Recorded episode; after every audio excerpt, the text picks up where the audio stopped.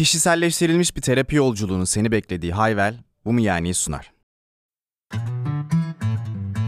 Merhaba ben Zuhat. Selam ben de Olcan. Her hafta yeni bir konuya bu mu yani dediğimiz podcast'imize hoş geldiniz. Buyurunuz.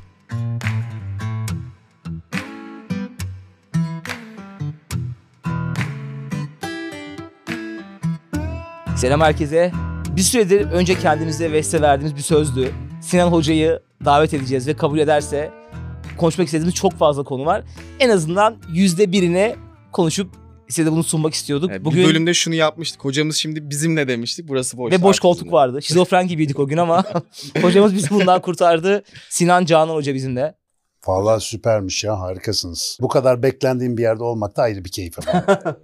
Bugün sizinle ne konuşsak acaba diye düşünürken aslında çok da zorlanmadık. Hem şu anda toplumda hatta dünyada, yani Türkiye daha fazladır muhtemelen siz de katılırsınız. Dünyada da çok yaygın olan ve sizin de aslında tam olarak bu konuyu konuşmamışsınız ama bunun çok fazla yanından, başından, sonundan çok fazla konu konuşmuşsunuz. O yüzden bu konu çok uygun olur diye düşündük. Bugünkü konumuz sizin için de uygunsa sıkışmışlık ve bu sıkışmışlıktan nasıl çıkarız? Nasıl harekete geçebiliriz? Bunlar hakkında konuşmak istiyoruz. Evet hocam yani şuradan gidebiliriz. Bundan belki bir 10-20 yıl önce sıkışmışlık diye bir şey yoktu. İnsanlar bu kadar yaygın şekilde bunu hissetmiyordu. Ne oldu da sıkışmışlık hissi ve bu atalet bizim çağımızın en büyük problemlerinden biri haline geldi. Ve 3,5 milyar yıllık bir biyolojik hikayenin kesintisiz bir meyvesiyiz. Yani onun kurallarıyla bağlıyız. Ve biyolojiyi iyi anladığınız zaman aslında insanın nasıl bir varlık olduğuna dair bize hiç anlatılmayan çok sade bir hikayeyle karşılaşıyorsunuz. Bu hikayede yüz binlerce yıl yani insan 300 bin yıldır burada. İşte o 300 bin yıl boyunca insan çok özel şartlarda çok ihtiyaçları olan ve yokluklar içerisinde bir dünyada hayatta kalmak üzere tasarlanmış bir varlık. Ama özellikle son 100-150 senede hatta son 30 senede bu dijitalleşmeyle beraber biz o kadar psikopat bir değişim yaşıyoruz ki yani ne olduğunu senin dediğin gibi anlamıyoruz. Ve burada bir yolumuzu bulmaya çalışıyoruz ama benim yapmaya çalıştığım ana uyarı şu. Biz yokluklar devri için yapılmış özelliklere sahibiz zihnen ve bedenen. Şu anda çokluklar devrinde çok büyük bir sınav vermeye çalışıyoruz ve bunda başarılı olamıyoruz. Çünkü insanın ne olduğunu bize öğretmiyorlar.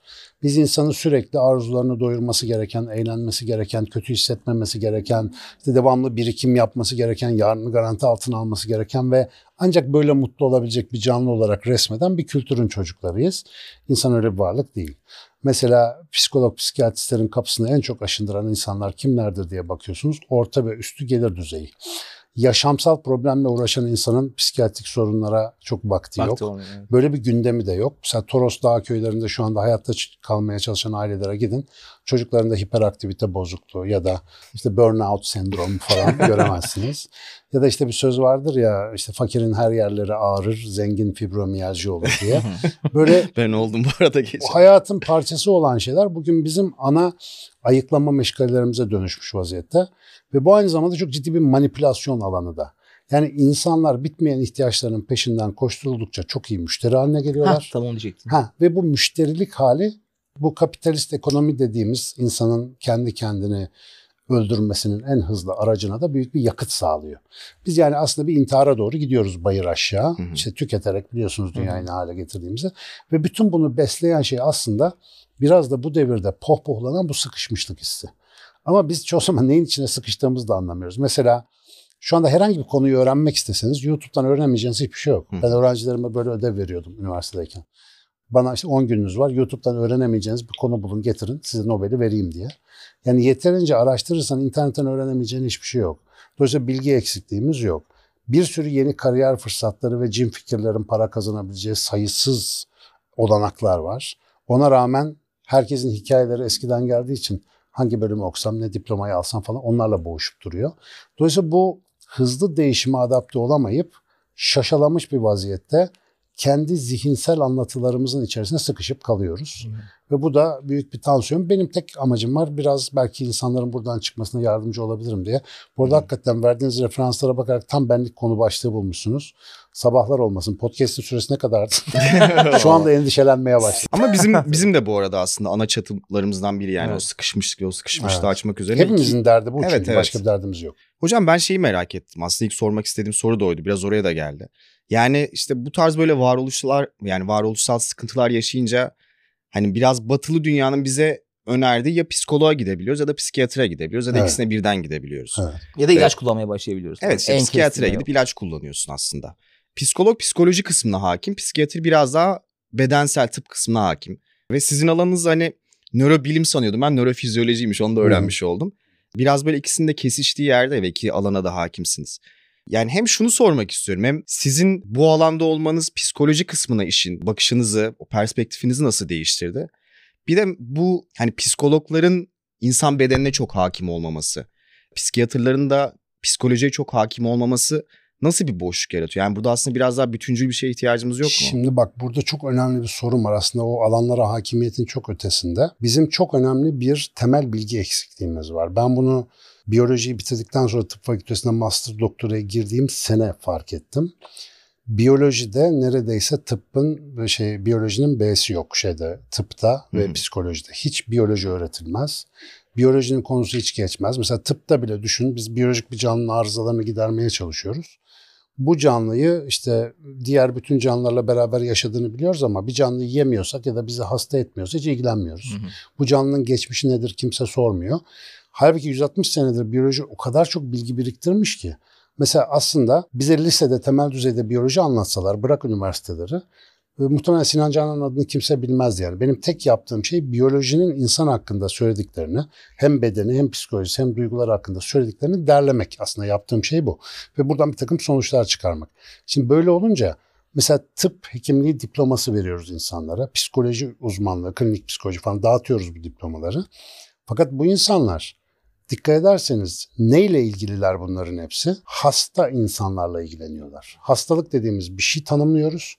Mesela kan değerleriniz belli bir şeyin üstünde ya da altındaysa siz düzeltilmesi gereken bir soruna sahipsiniz. Ya da işte psikolojik parametreniz normalden sapıyorsa siz gene psikoloğun konusunuz ama tıpta da psikolojide şu sorunun cevabı yok. Ya bunun normali ne kardeşim? Hani Hı. biz nasıl yaşayalım ki hasta olmayalım? Mesela hepiniz biliyorsunuz 40'lı yaşlarından sonra etrafınızdaki herkeste arızalar çıkıyor. Siz daha gençsiniz tabii. Biz de Yol 30'da müsait. çıkmaya başladı Kap- hocam. Yok daha onlar bir şey değil. Özellikle 40 Daha dur. Hatta Onlar trailer. 50'den sonra gelenler daha önce haber vermeyen şeyler. Hiç hı. sana çaktırmadan geliyorlar mesela 50'den sonrakiler. Onlar da ilk e, işte 50 senede yaşadığın hayatın aslında bir nevi geri ödemeleri. İşte yiyip içiyorsun, geziyorsun, tozuyorsun. O zamana kadar vücut böyle kompanse ediyor bunu. Bakın etrafınızdakilere 50 üstü herkes şeker, tansiyon, diyet konuşuyor. Yani başka gündemleri yok. Devamlı işte doktorun kim, nereye gideyim falanca bir ilaç çıkmış, içiyormuşum bilmem ne oluyormuş. Ana konuları bu. Şimdi siz bunu bugün fark eden mesela gençler olarak, sağlıklı insanlar olarak bu kaderi yaşamamak için bir yere başvurmaya kalksanız öyle bir yer yok. Yani tıp fakültesine gidip deseniz ki ben hasta olmak istemiyorum 50'den sonra ne yapayım? Sizi psikiyatriye gönderirler yani. Şeyiniz yoktur. Öyle bir bölüm yoktur tıpta. Öyle bir bölüm yoktur psikolojide. Dolayısıyla burada ana konu insanı bilmiyor olmamız. Ve bilmeyince de ağrıyı, acıyı ya da anomaliyi susturulması gereken bir şey zannediyoruz. Halbuki bir eve hırsız girdiğinde alarm çalıyor değil mi? Biz normalde ne yapıyoruz? Alarmı susturmak yerine işin kökenini bulmaya çalışıyoruz. Niye çaldı bu alarm? Ama tıpta ve psikolojide bizim önceliğimiz alarmı susturmak. Yani bir sıkıntı var. Bir insanlar bir darlık yaşıyorlar. Ya bedenen bir sinyal veriyorlar ya zihnen. Duygusal olarak bir sorun yaşıyorlar. Veriyorsun ilacı, işte kesiyorsun, alıyorsun, bir şey yapıyorsun ve amacın o ağrıyı dindirmek. Arka planında ona sebep olan şeyle Evet, pek kimse ilgilenmiyor. kimse. İnmiyor. Ve bu çok büyük bir sorun. Şu açıdan bir sorun. Bir kere karlı olduğu için çok satıyor. Yani herkes de bunun peşinde ve bir de şöyle bir propaganda var. Mesela bir arkadaşınız şöyle kös kös otursa iki dakika hani beş dakika hiçbir şey konuşmadan dursa ne oluyor baba iyi misin diye sorma ihtiyacı hissediyorsunuz değil mi? Bir insanın beş dakika kendisiyle baş başa kalması bile artık mümkün değil. Kötü hissetmek, düşüncelere dalmak, gamlı olmak, Ayıp gibi aşka yani. düşmek bunlar yanlış şeyler Yanlış. yani. Devamlı böyle hay olmamız lazım. Hey hey babalar işte eğlenelim coşalım. Birisi bir acık yavaşladı mı ne oluyor diye soruyorsun. Bizim bir ağrı kesici, yatıştırıcı ve coşturucu medeniyeti içerisinde olduğumuzu fark etmemiz lazım. İnsan böyle bir varlık değil. Biz sadece iyi hissetmek için buraya gelmedik. Ne yaşıyorsak onu dibine kadar hissedip ondan bir şeyler öğrenmek için buraya geldik. Hı hı.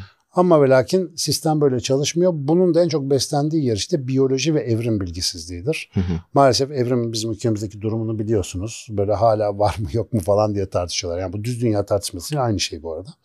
Ama var yok bir kenara bırakıp e, gözünü açan herkesin görebildiği bu evrimin benim için ne söylediğini merak etmeye başladığım anda benim şimdiye kadar binlerce örnekten gördüğüm gibi hayatınız değişiyor. Benim derslerime üniversitede olsun açık beyinde olsun katılan insanlar bir tuhaflaşıyorlar yani. Diyorlar ki aga biz bunu daha önceden niye düşünmedik? Çoluğa çocuğa farklı bakmaya başladılar. Çünkü bu bilgi çok dönüştürücü bir bilgi. Hı. Ve kendinizin ne olduğunu anladığınızda sıkıştığınız şeyin de ne olduğunu anlıyorsunuz. Hı. Dış dünyada bizi sıkıştıran bir şey yok bugün. Sisteme uyumsuz yani var olan biyolojik sistemimize uyumsuz yaşam ve kültür alışkanlıkları nedeniyle ne yapacağımızı bilemiyoruz. Ana konumuz bu. Benim için çok faydalı bir bilgi olduğu için anlatmaya çalışıyorum. Yoksa ben tedavi etmek için ortalarda gezmiyorum. İşime yarayanı paylaşıyorum ve hakikaten dinleyip yapmaya çalışan güzel şeyler yapıyor. Benim insanın fabrikalarını okuyup benden iyi uygulayanlar var. ben mesela yemekle ilgili kısmını çok uygulayamıyorum. Ama orayı da mesela işte benden daha iyi yapıp da hocam ya gerçekten şöyle oldu böyle oldu diyenler beni çok mutlu ediyor. Çünkü bu benim değil biyolojinin başarısı. Hı. Biyoloji çok önemli bir bilim ve bu devirde evrim ve evrimsel biyoloji bilmeyen evde kalır sevgili dostlar. yani evlenmek öğren, için öğrenin. Yani her anlamda evde kalır. İşsiz güçsüz kalır. efendim işte hastalanır evden çıkamaz ya da Tabii canım. eş bulamaz mesela. Zuhat'ın dediğine şöyle bir şey ekleyeyim hocam. Mesela bu sıkışmışlıktan çıkmak için aslında böyle biraz berrak bir beyin gerekiyor ya yani işte evet neyin ne olduğunu düşünmek, kendini tanıyabilmek falan. Ve aslında bunun işte de tamamen psikoloji gibi görüyoruz ama size çok bahsediyorsunuz. Nasıl beslendiğinde senin zihin yapını çok değiştiriyor. Ya da mesela siz de bunun üzerine konuşmuş, konuşmuşsunuz. Biz de uyku diye bölüm çekmiştik. Ya ben mesela bu yaşıma geldim ve 5 yıldır kişisel gelişim çevresinde podcast çekiyoruz, içerik okuyoruz durmadan. Mesela uykunun bu kadar önemli olduğunu bilmiyordum.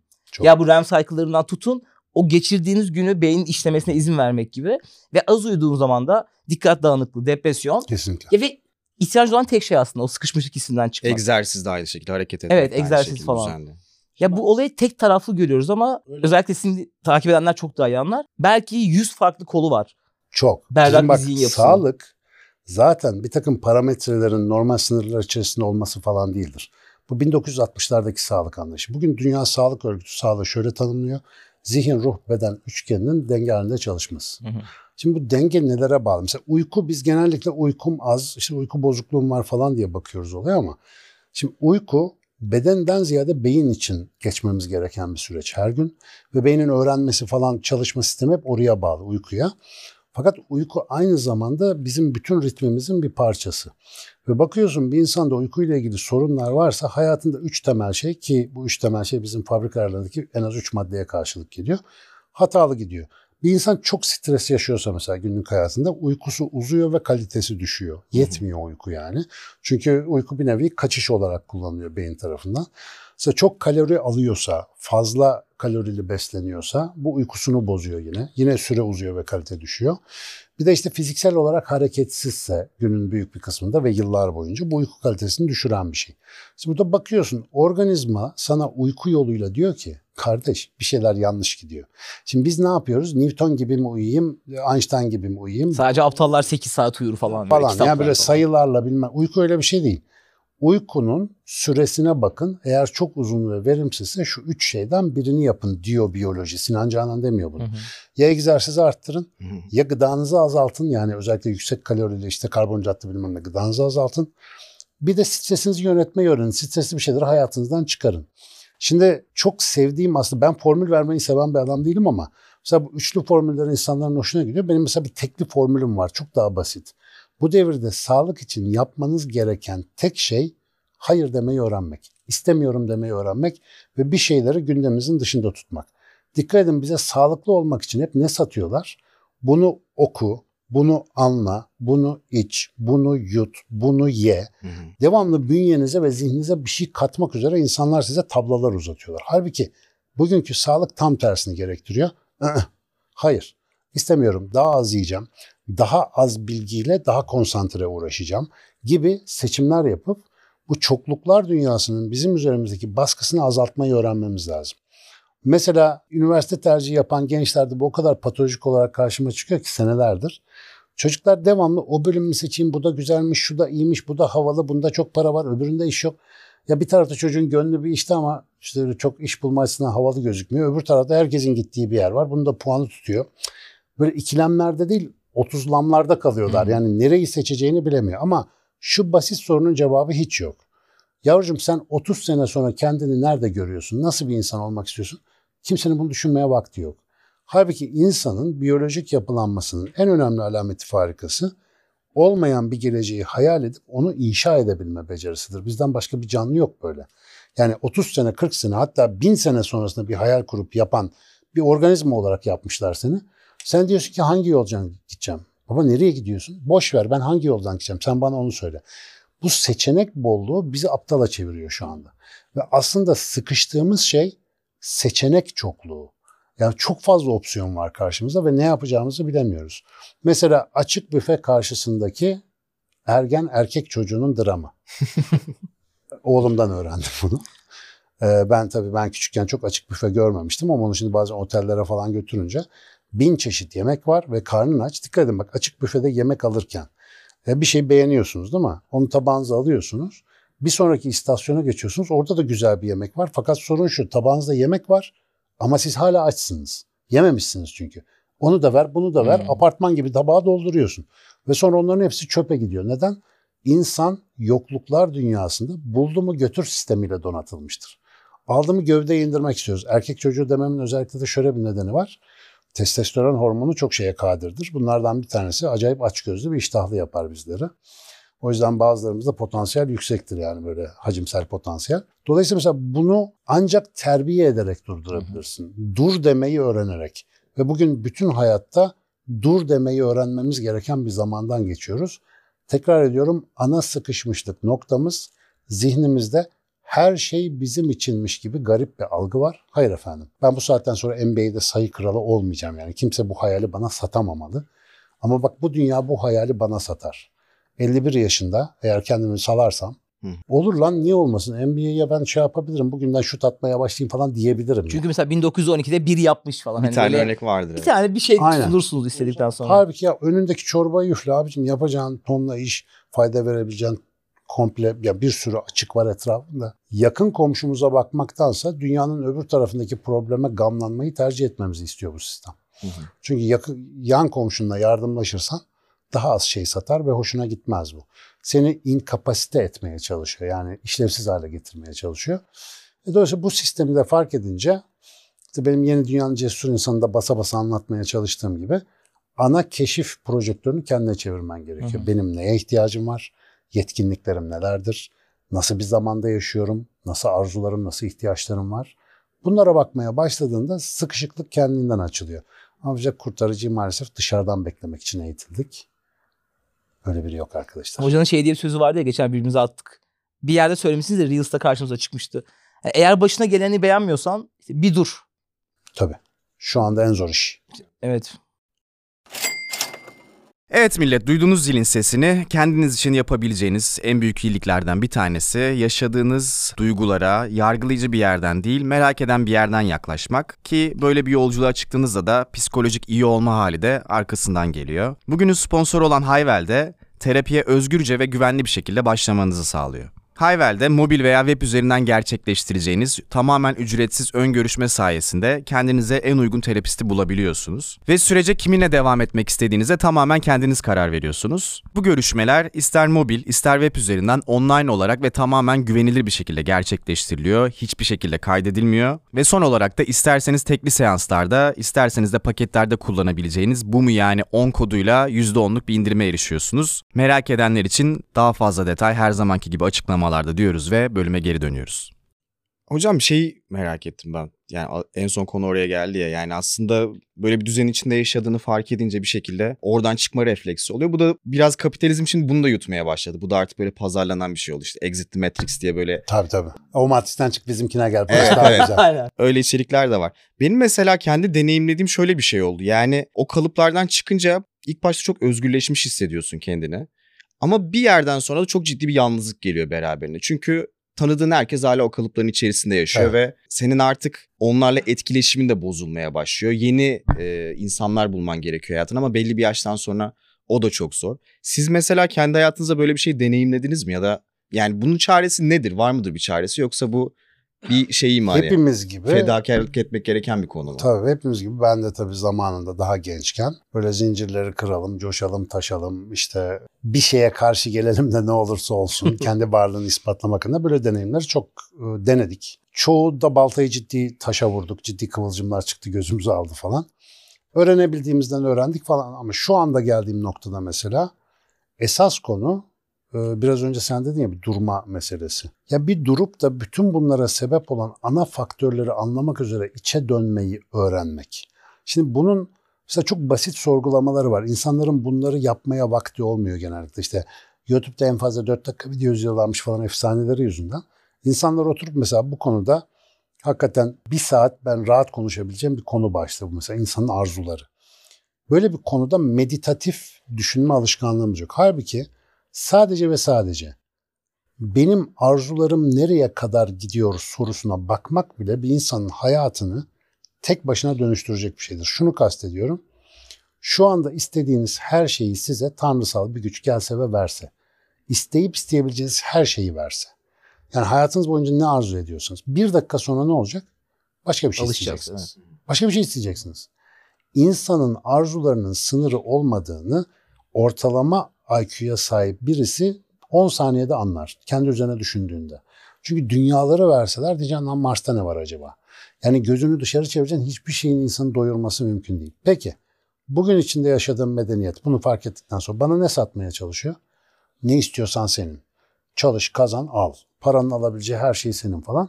Ve sonsuz olan arzularını 1, 2, 3, 4, 5 diye doyurabileceğini satıyor sana. Sonsuza kadar sayabilir misin 1, 2, 3, 4 diye? Matematiksel olarak imkansız. Dolayısıyla eğer bir insanı sadece kendi arzularını tatmin sistemi içerisine bırakırsan, Matrix 1'in bir bölümünde e, Ajan Smith'in Morpheus'u anlattığı kısımda olduğu gibi insanın kendi kendini yok etmesine giden bir süreç Şey, başlıyor. virüs şeyini diyorsunuz Tabii. benzetmesini. Şey diyor ya sizin için ilk simülasyon olarak cennet gibi bir şey hazırladık ama berbat ettiniz diyor yani. Canlı okudunuz simülasyonun. Anladık ki size 20. yüzyılın son çeyreği anca yani. Hı hı. Siz anca orada sürünmeye layıksınız. Çünkü her şey tam olunca insan tamam hissetmiyor. Yani biyolojik ihtiyaçlarını, cinsel ihtiyaçlarını e, ya da ruhsal ihtiyaçlarını diyelim genel olarak karşılıyor olmak bir insana yaşamak için yetmiyor. O devamlı sonsuza gitme kapasitesine garip bir varlık. Şimdi bunu fark ettiğinde bu medeniyetin sana nasıl sahte bir şey sattığını anlıyorsun ve şu meditasyonu kişisel olarak yapmadığın sürece Sinan Canan isterse kendini yırtsın. Bir insan istediği bir şeye neden el uzatmaması gerektiğine ikna olmaz. Mesela bütün inançlarda Tanrı inancı olmayan Budizm'de dahi ayrılmaz bir pratik vardır. Dünyadaki bütün dinlere hemen hemen göz gezdirmiş bir insan olarak söylüyorum. Oruç pratiğinin olmadığı hiçbir inanç yoktur. Hı hı. Oruç pratiği nedir? Yapabiliyorken yapmamayı deneyimlemekle ilgili bir şeydir. Ve bu beyinde bir devreye karşılık gelir. Beynin ön kısmı ile ilgilidir bu. Beyin devreleri de işte kas gibidir. Çalıştıkça güçlenir, çalışmazsa pörsür zamanla. E sen istememe, almama, hazzı erteleme, işte belli bir amaç için şu andaki keyfinden vazgeçme gibi bir şeyi bir beyin devresini hiç çalıştırmazsan bu sistemin en sevdiği adam olursun. Instagram'da gezerken kendini bir anda o air fryer'ı almak zorunda hissedersin mesela bir anda. Ölümcül bir ihtiyacın vardır ama 10 saniye önce bundan haberin yoktur mesela. Bu sistem senin üzerine arzu gıdıklamasıyla çalışır. Ama çaresi nedir diye sordun ya. Hı hı. Durup 5 dakika her gün. Hadi 5 fazla 2 dakika. 2 dakika kendinle baş başa kalma talimiyle başlasın bir insan. 3 ay sonra bu koca dünya sistemi ondan korkar hale gelir. Çünkü insanın yapabileceği en iyi şey durmak ve ben gerçekten neyi istemeliyim, neyi bana istettiriyorlar ve onu hayatımdan def etmeliyim sorgusunu öğrenmek zorunda. Bu dışarıdan birinin tarifi ya da formülüyle yapabileceğimiz bir şey değil. Artık ilginç bir şekilde her şeyin hazır olduğu bir devir. Ta 3500 sene önce kendini bil uyarısının en fazla önemli olduğu devir haline geldi. Çünkü bir insan kendini bilmiyorsa akıntıda oraya oraya kafayı vuracak yani yapacak bir şey yok. Evet. Tehlikeli bir zamandayız. Böyle çok karamsar konuşuyor gibiyim ama aslında o kadar da kolay bir şey ki. İki dakika durun diyorum ya deneyin. Bir duralım falan. İki dakika. Bunu bir canlı yayında yapmıştık bu arada. Ceyda Düvenci'nin programında. Hakikaten iki dakika hiçbir şey yapmadan durduk. Türkiye televizyon tarihinin en absürt yayını oldu. Herkes Şey, duruyor. Mesela ben alışığım biraz. Bunu daha önce seyircilerle de demonstrasyonu yaptım ama Ceyda'cığım yazık bir de kız program sunuyor elini ayağını nereye koyacağını şaşırdı. Yani hiçbir şey yapmadan dur deyince birine özellikle Türkse şöyle bir şey soruyor. Hiç mi bir şey? E, hiçbir şey. Ya bir de televizyonda o her boşluğu doldurma Tabii, refleksi de tabii. olduğu için yani çok zor Mesela bir şimdi şey. podcast'te bir dakika hiç konuşmasak ne olur? Bir başka alana geçer insanlar değil mi? Ha. YouTube'da videoyu atlar. Onu biz de yaptık hocam. Biz de bir dakika meditasyon için bir Vallahi dakika bir duralım deyip bir dakika durmuştuk biz de aynısı. gibi. Süper. Ama atlayan çok olmuştur mesela. He, ama Kesin orada olur. şey yani hani o dinleyeni de ona davet ederek yani Tabii. bir ortak O zaten işte çok mesela büyük bir hizmet yapmışsınız. Hı hı. Mesela bu internet gibi hızlı tüketilen bir kanalda birisi çıkıp bunu söylediğinde yanına iki kişi katılırsa büyük bir devrim yapmış olur bence. Hı hı.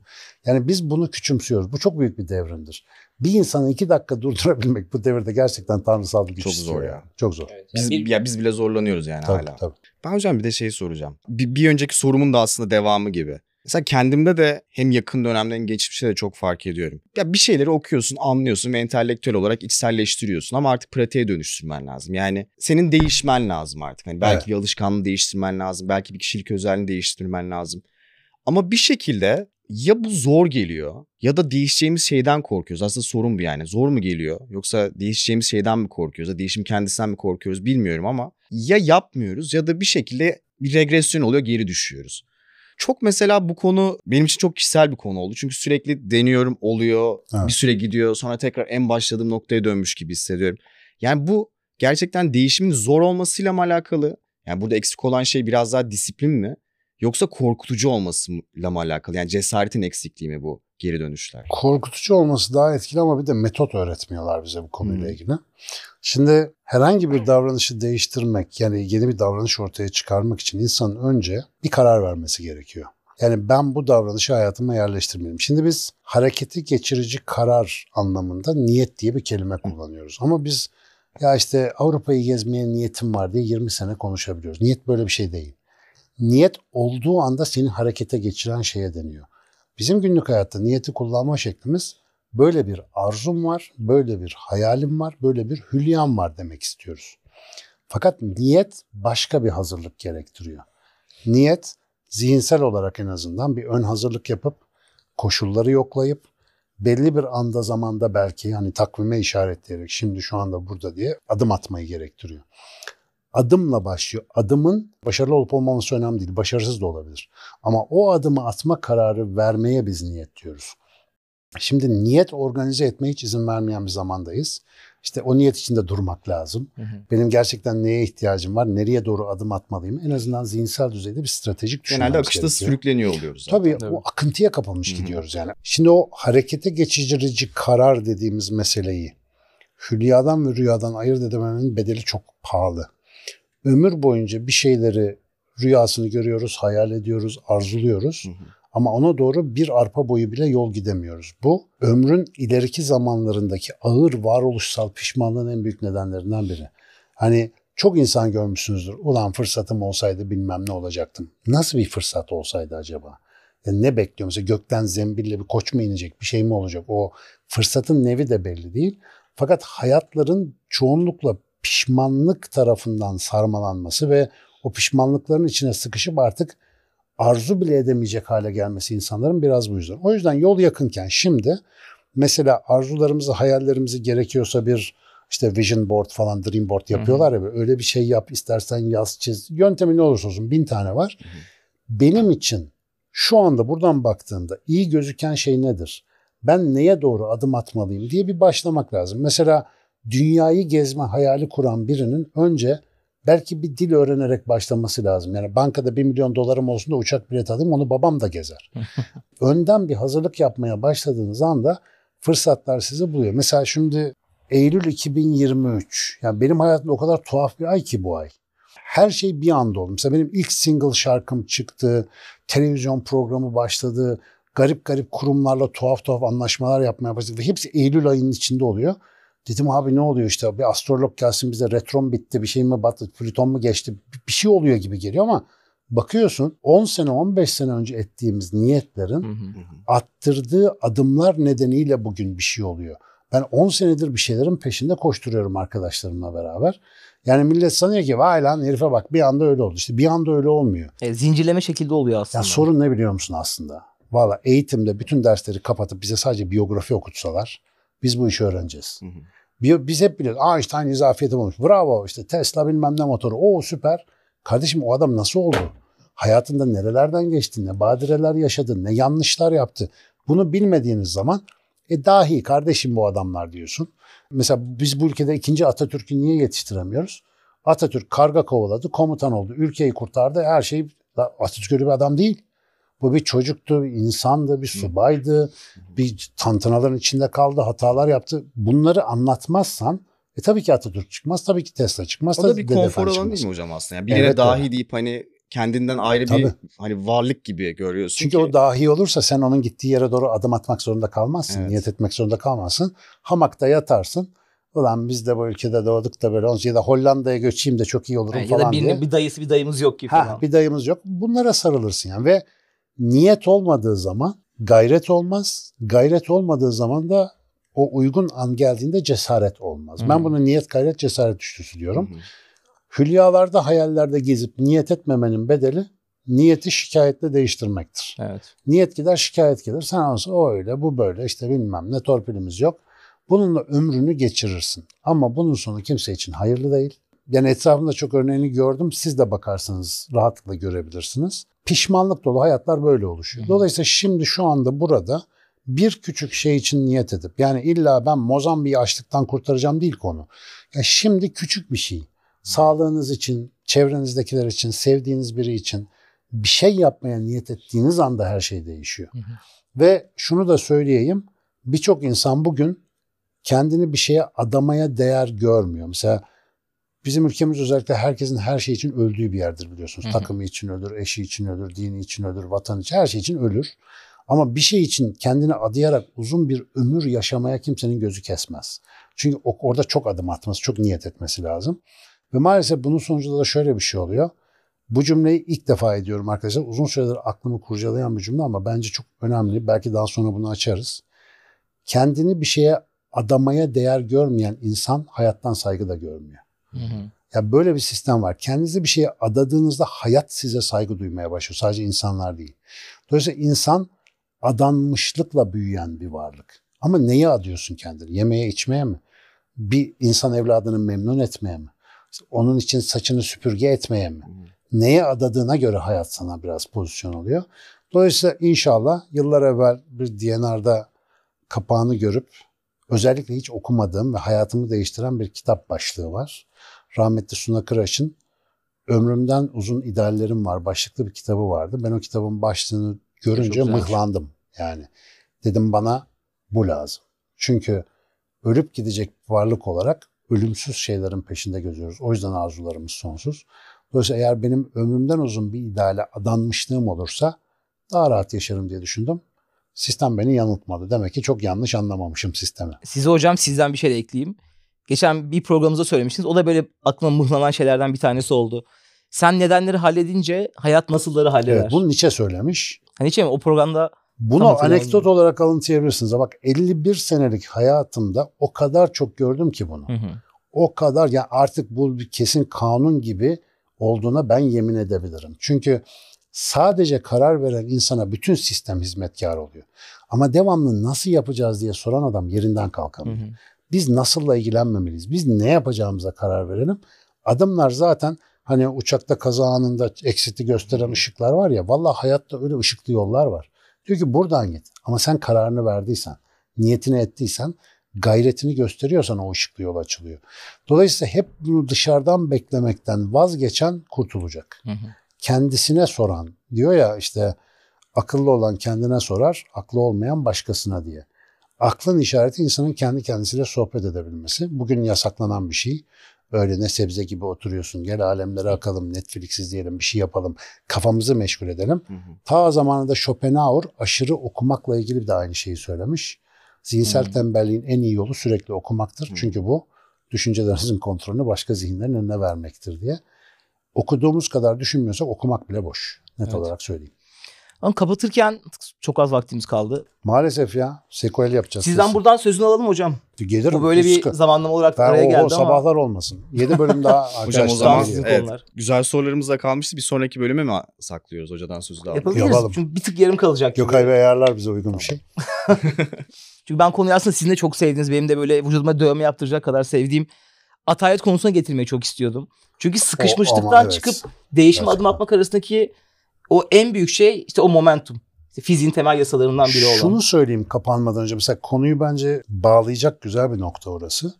Biz mesela bu kadar işte gelişmenin bilmem ne iyi olduğunu biliyoruz, duyuyoruz falan da niye harekete geçemiyoruz? Bütün hayvanlarla paylaştığımız devrelerimizi bilmiyoruz da ondan. Mesela bir hayvan yemek bulduğu yere daha sık gider, acı çektiği yere bir daha uğramaz. Böyle bir beyin devresi vardır.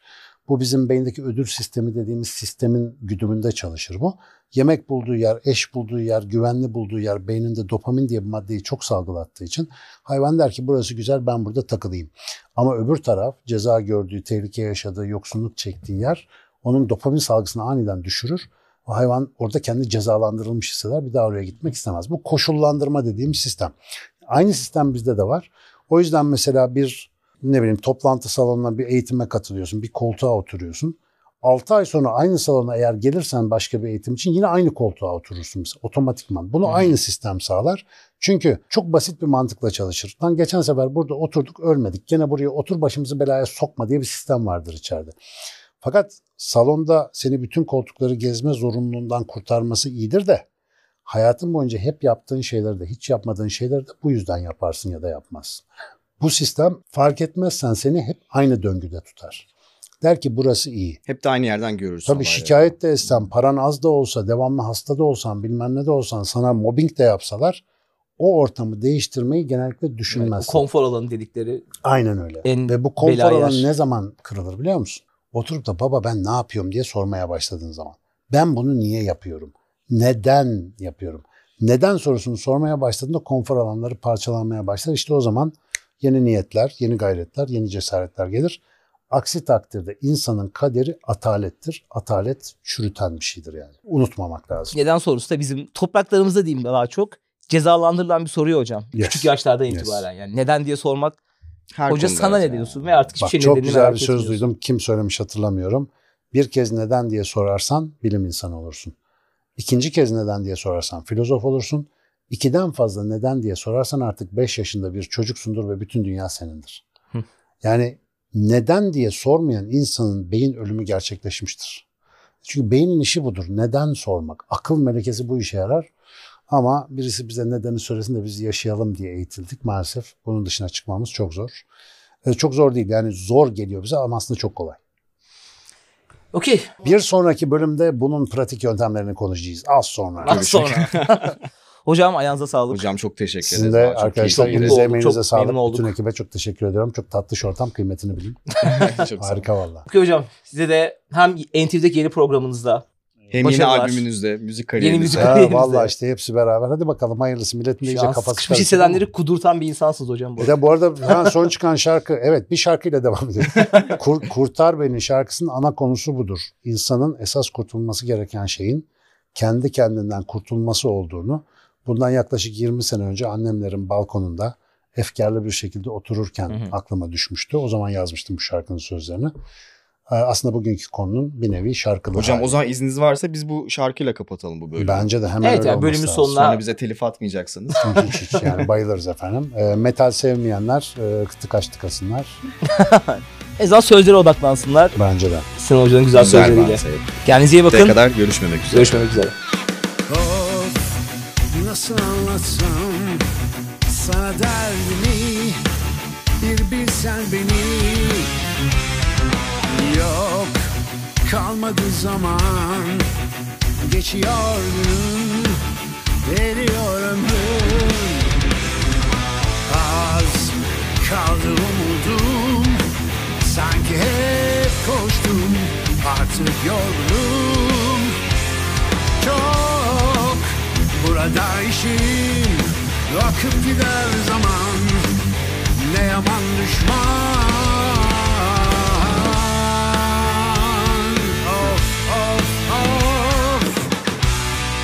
Kurtar beni Kurtar beni. Yine sen